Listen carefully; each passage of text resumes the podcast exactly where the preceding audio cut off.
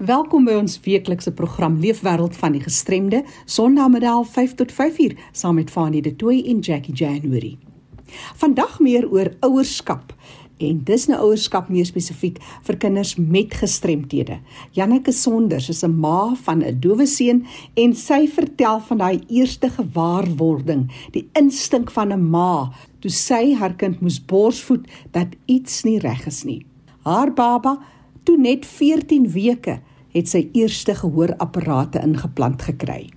En vandag het ons ook weer meer oor belastingopgawes. Dis weer tyd vir die indien van jou opgawes. 26 Oktober is die sperdatum en ons help vandag met inligting en handige wenke ten opsigte van die klassifikasie en waarvoor jy kan eis. Bly ingeskakel daarvoor.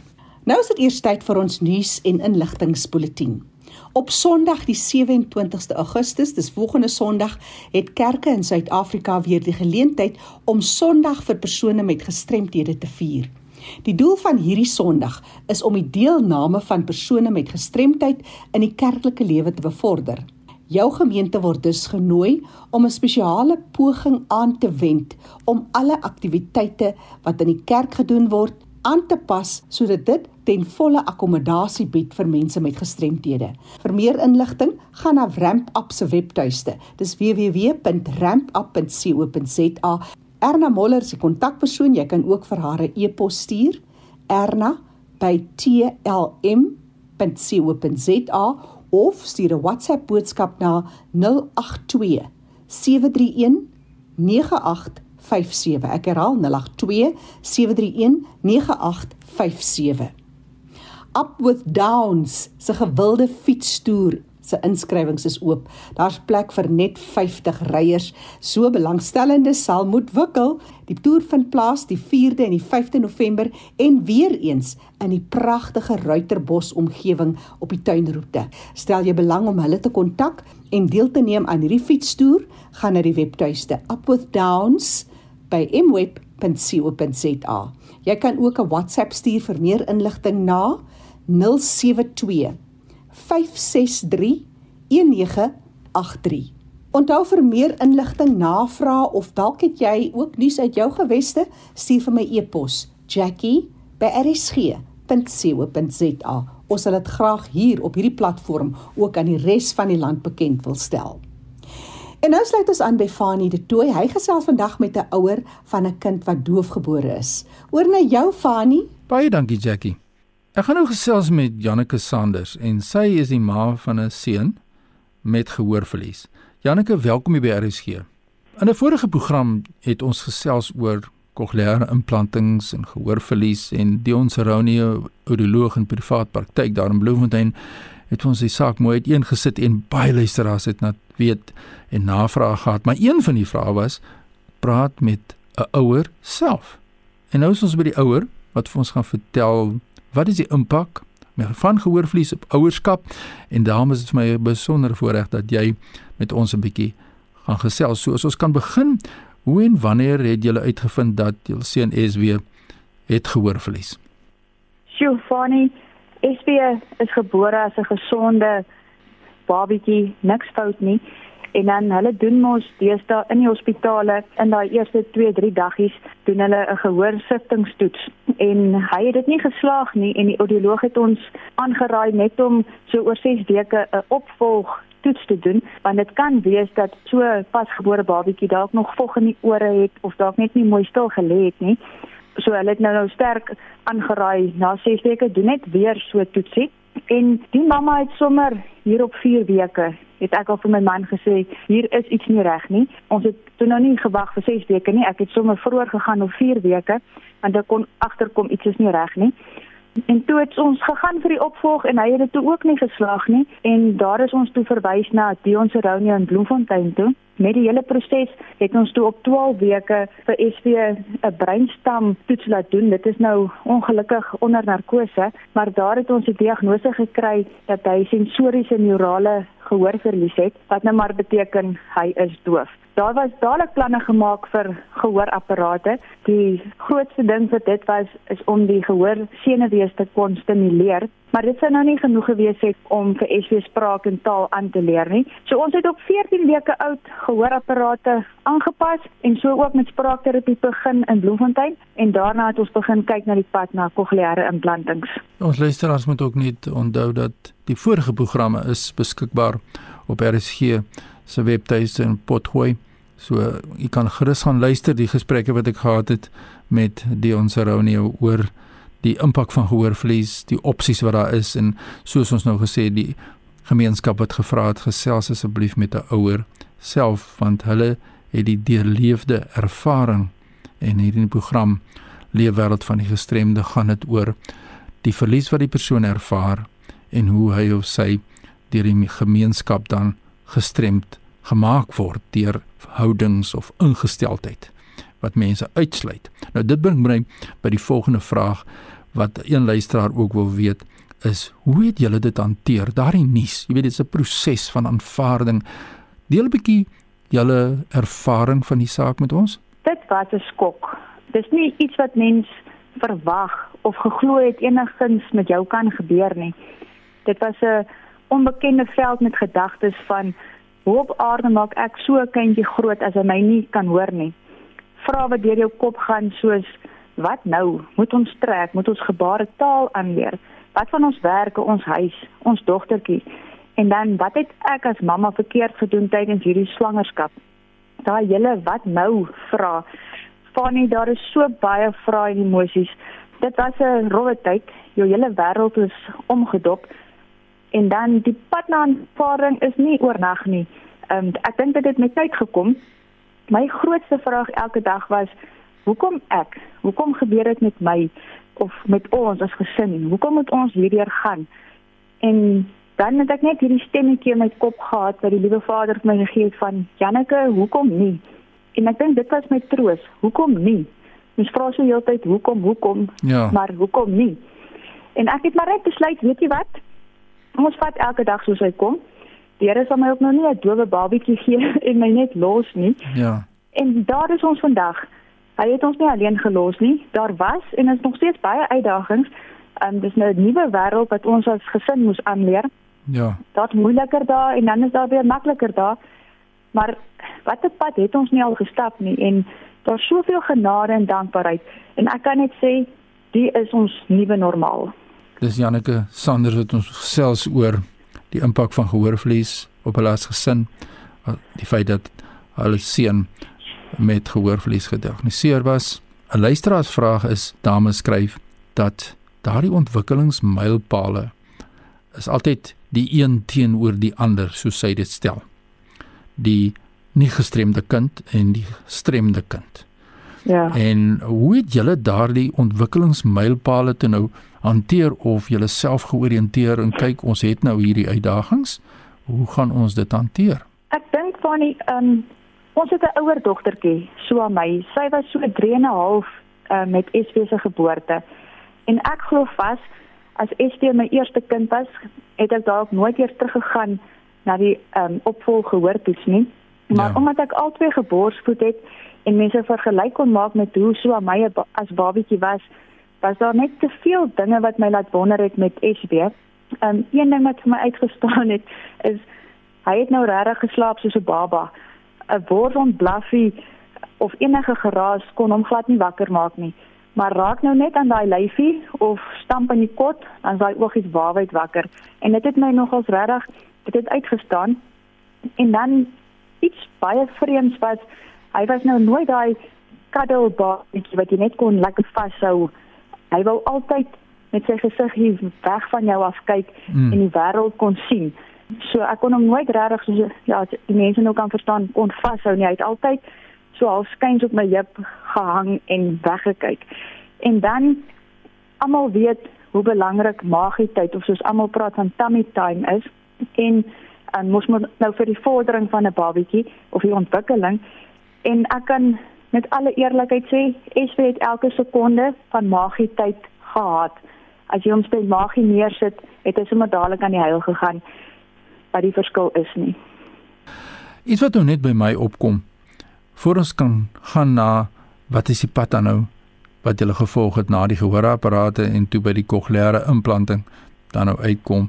Maar dit gaan ons in diepte bespreek in 'n volgende program. Maar ek wil net eers by jou hoor die familie en die vriende se reaksie. Jy het tog interaksie met ander res van die familie en ander kinders.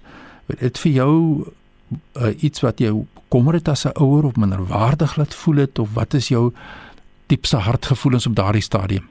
Jong, dit is 'n skok vir almal en die groot ding is niemand weet hoe om jou te hanteer nie. Ja. Want dit is 'n 'n wêreld wat ons nie aan blootgestel is nie en jy kan agterkom hulle weet nie hoe om jou emosioneel um by te staan en party mense wil weer net vir jou raad gee. Ja. En baie keer is daai raad iets wat jy weet, dit gaan my nie op die stadium help nie. Ja. Of ja. dit is nie van pas nie. Ja. so nee, dit is 'n 'n moeilike 'n ding vir die publiek en vir selfs vir familie om jou by te staan want dit is net 'n wêreld wat niemand ken nie. Ja. En dan saam kan ek ook sê hoe die mense in die publiek jou hanteer. Ons wat dit is alvas of jy 'n tipe selfbewus gevoel het en dadelik aanstoot geneem het as iemand staar of vra wat is fout met hom. Ja. En dan raak ek sommer op die plek kwaad Ja. en daar's mos nou niks fout met hom nie. Hy het net ekstra oortjies Ja. um, wat hom nou toegang gee na wêreld na na wêreld met klank toe. So ons het net besef dat mense, familie en almal so oningelig is en ook nie weet hoe om ons te benader nie en daarmee wil ek ook vir die mense daar buite sê vra reguit. Ja. Ek sien jou kind het iets op sy kop of kan ek vra waarvoor is dit? Vertel my meer Ah. en dan gaan almal verstom wees oor hoeveel inligting ons hulle nou kan gee want aan die begin was dit ook vir ons moeilik as ouers. Almal vra jou soveel vrae vir al daai eerste 3 maande en ons het ook nie die antwoorde gehad nie. Ja. Maar vandag waar ons nou na ja, meer as 3 jaar met dit saamleef, het ons so hierdie gevoel ons wil dit net uitblaker en die men- en die mense net bewus maak Ja. dat jy hoef nie bang te wees om ons te vra nie. Ja, absoluut. Of- Jy sien, en dit ja. is die dit is die saak, daar's 'n afstand tussen. En die pers- die kind het die verlies en ons kyk hier ons program Leefwêreld van die gestremde. Ons kyk na mense met Ja. verlies, maar wat deur die gemeenskap, deur hulle houdings, hulle ingesteldheid gestrem word en nie betrek word nie as gevolg van die feit dat die persoon die verlies het. Nou hierdie kind van jou wat nou, soos ons sê, gehoor verlies het, weer en nou word hy tye stap aan en in volgende program is daar 'n magdom van vrae wat ek nog wil hanteer oor die pad wat jy gestap het met kokleaire implantings. Jy het besluit gemaak, jy gaan implant implanting laat doen en die spraakterapie en alles wat daarmee saamgaan. So wees gereed vir 'n volgende program asseblief dat ons die luisteraars se vrae kan beantwoord, maar vir nou, dis Janneke Sanders wat met ons gesels het oor hul leefwêreld met gehoorverlies en hoe hulle daarmee saamleef. En as daar mense is wat nou met jou wil gesels, waar kan hulle vir jou in die hande? Hulle kan my enige tyd op my op WhatsApp verkieslik kontak. My telefoonnommer is 072 71 7746 of deur e-mail sal dit ook um, beskikbaar wees. En ek is enige tyd meer as bereid om enige vrae te antwoord en of net inligting te gee en as daar 'n mamma daar Dankie. buite is wat nou deur so 'n proses gaan, Ja. ek het dit gekort. Ek Dankie. het daai ondersteuning nodig net om met nog so iemand te kan praat. Ja, vir ons sy telefoonnommer weer deur. 072 71 7746. Ja, verkieslik teksboodskappe en dit is die kontakbesonderhede dan van Janneke Sanders. Janneke, baie dankie vir die gesprek en volgende keer dan gesels ons verder oor nog vrae wat luisteraars het. Baie sterkte vir julle. Baie dankie, ons waardeer. Ja, Jackie, so moet ons gesels met mense wat 'n deurleefde ervaring het hoe kinders in hierdie geval met verlies deur die gemeenskap gestrem word of hoe ons hulle kan bemagtig om hul plek in die gemeenskap in te neem. My e-pos is fani.dt@mweb.co.za. Groetens uit Kaapstad.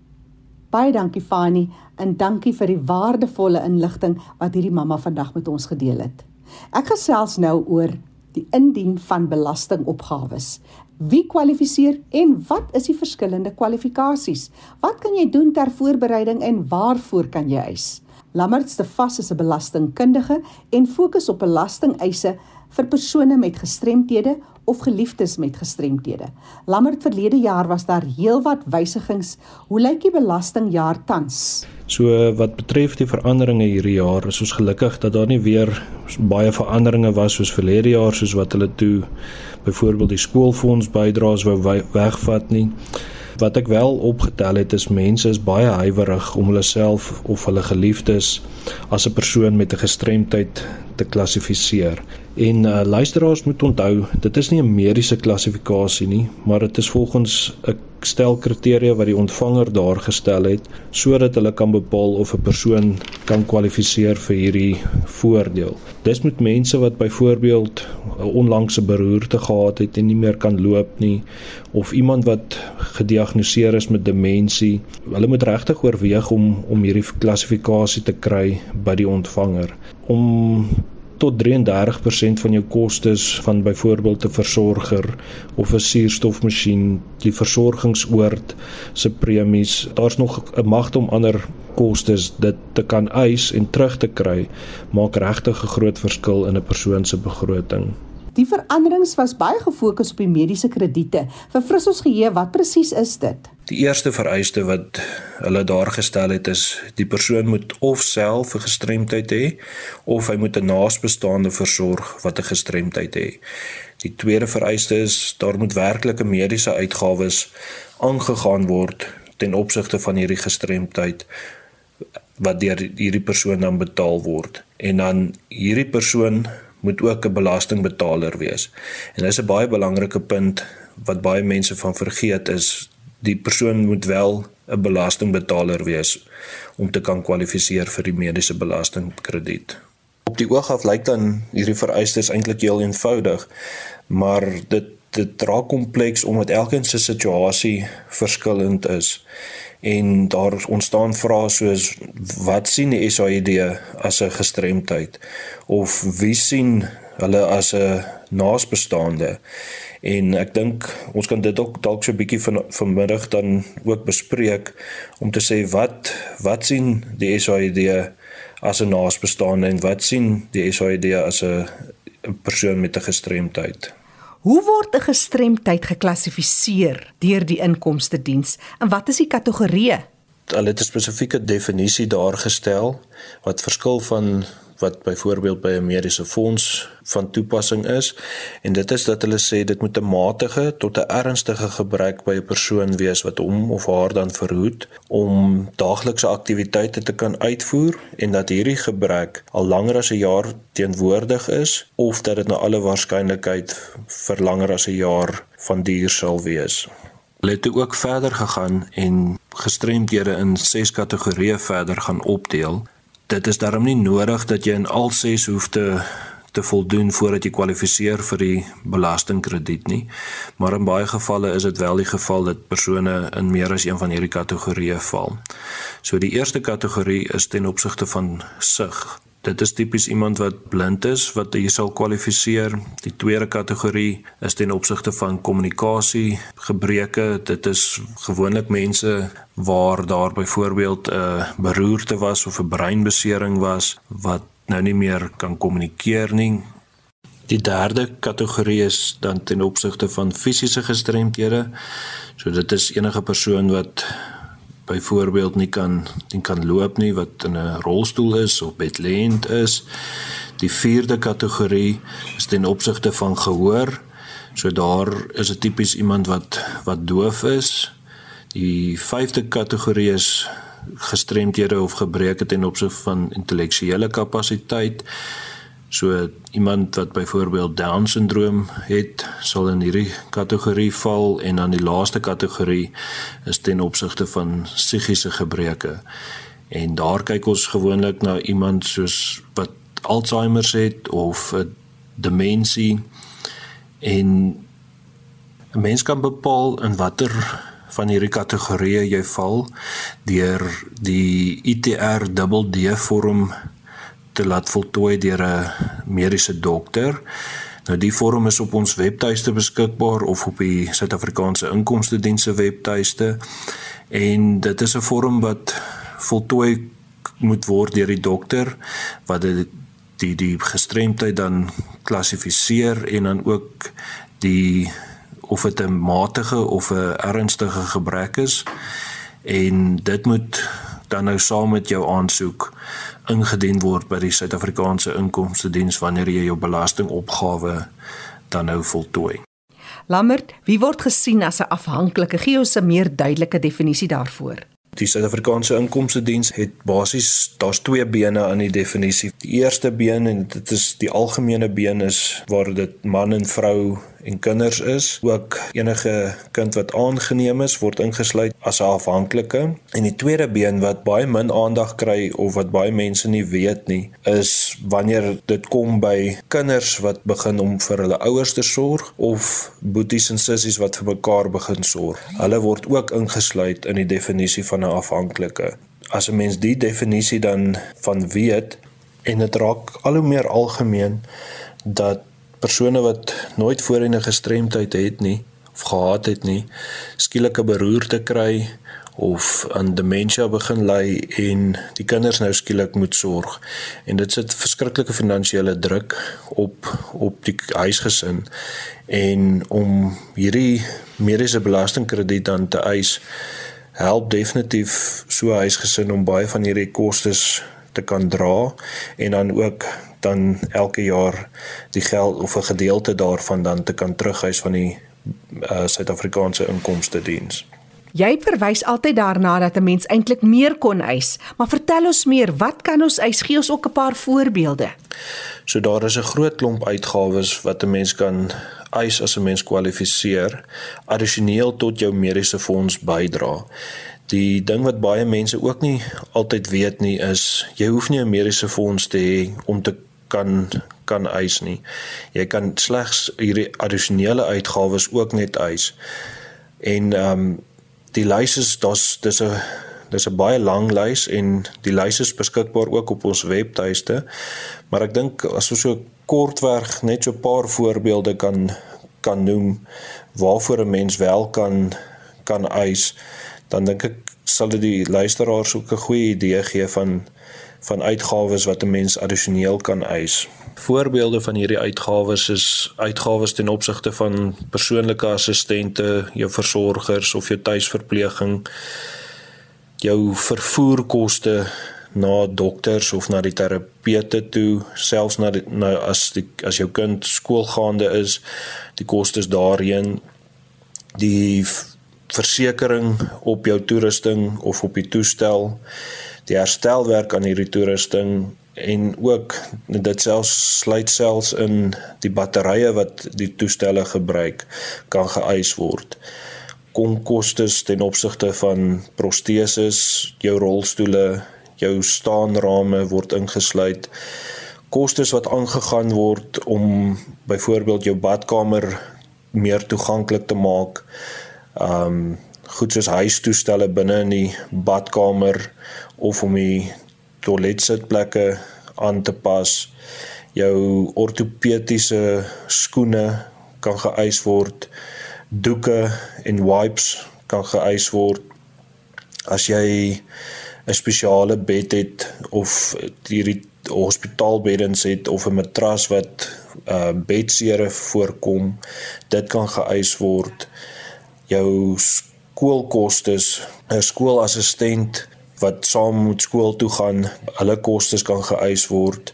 Laaste voorbeeld is is 'n gidshond, kostes om 'n gidshond op te te koop en op te lei. Dit kwalifiseer alles as hierdie addisionele kostes wat die Suid-Afrikaanse Inkomste Diens toelaat dat jy eis. So as die mense meer inligting rondom dit wil hê, kan hulle my ook kontak dat ons kyk wat alles geëis kan word daar's op groot skaal nou begin met outomatiese assessering.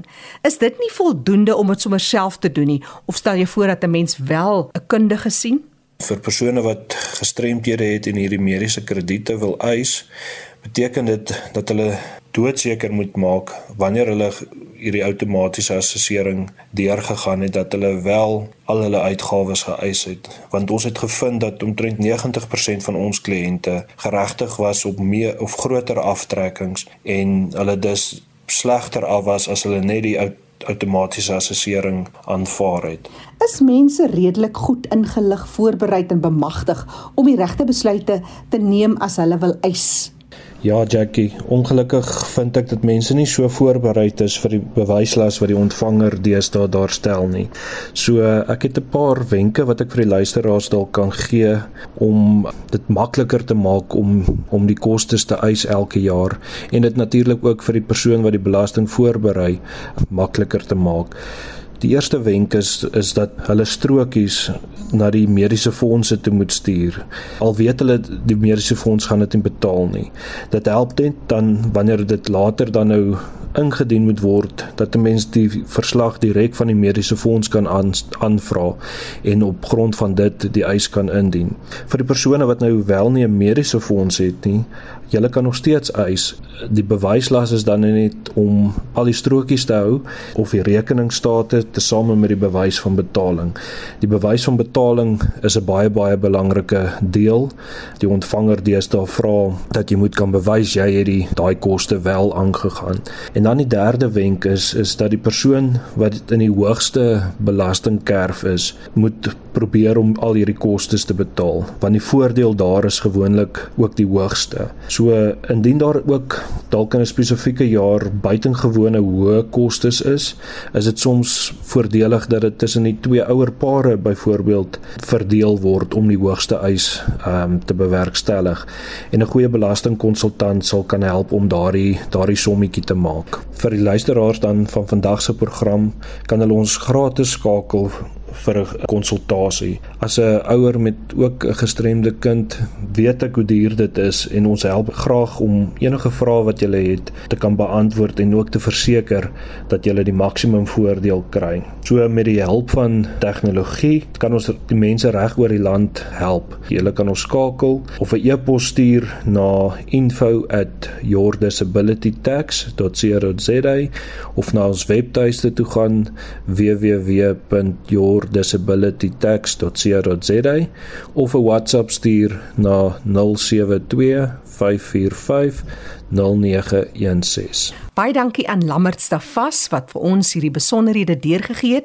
Ek herhaal graag sy kontakbesonderhede. Gaan na die webtuiste www.yourdisabilitytax.co.za of jy kan hom skakel op 072 545 0916. As jy nie vinnig genoeg hierdie besonderhede kon neerskryf nie, stuur vir my e-pos jackie@rsg.co.za. Ek gee dit graag aan jou deur. Die program is ook beskikbaar as 'n potgooi. Jy kan weer daarna gaan luister. Gaan na rsg.co.za en klik op potgooi en soek onder L vir leefwêreld van die gestremde. Die program word saamgestel en aangebied deur Fanie De Tooy en Jackie January.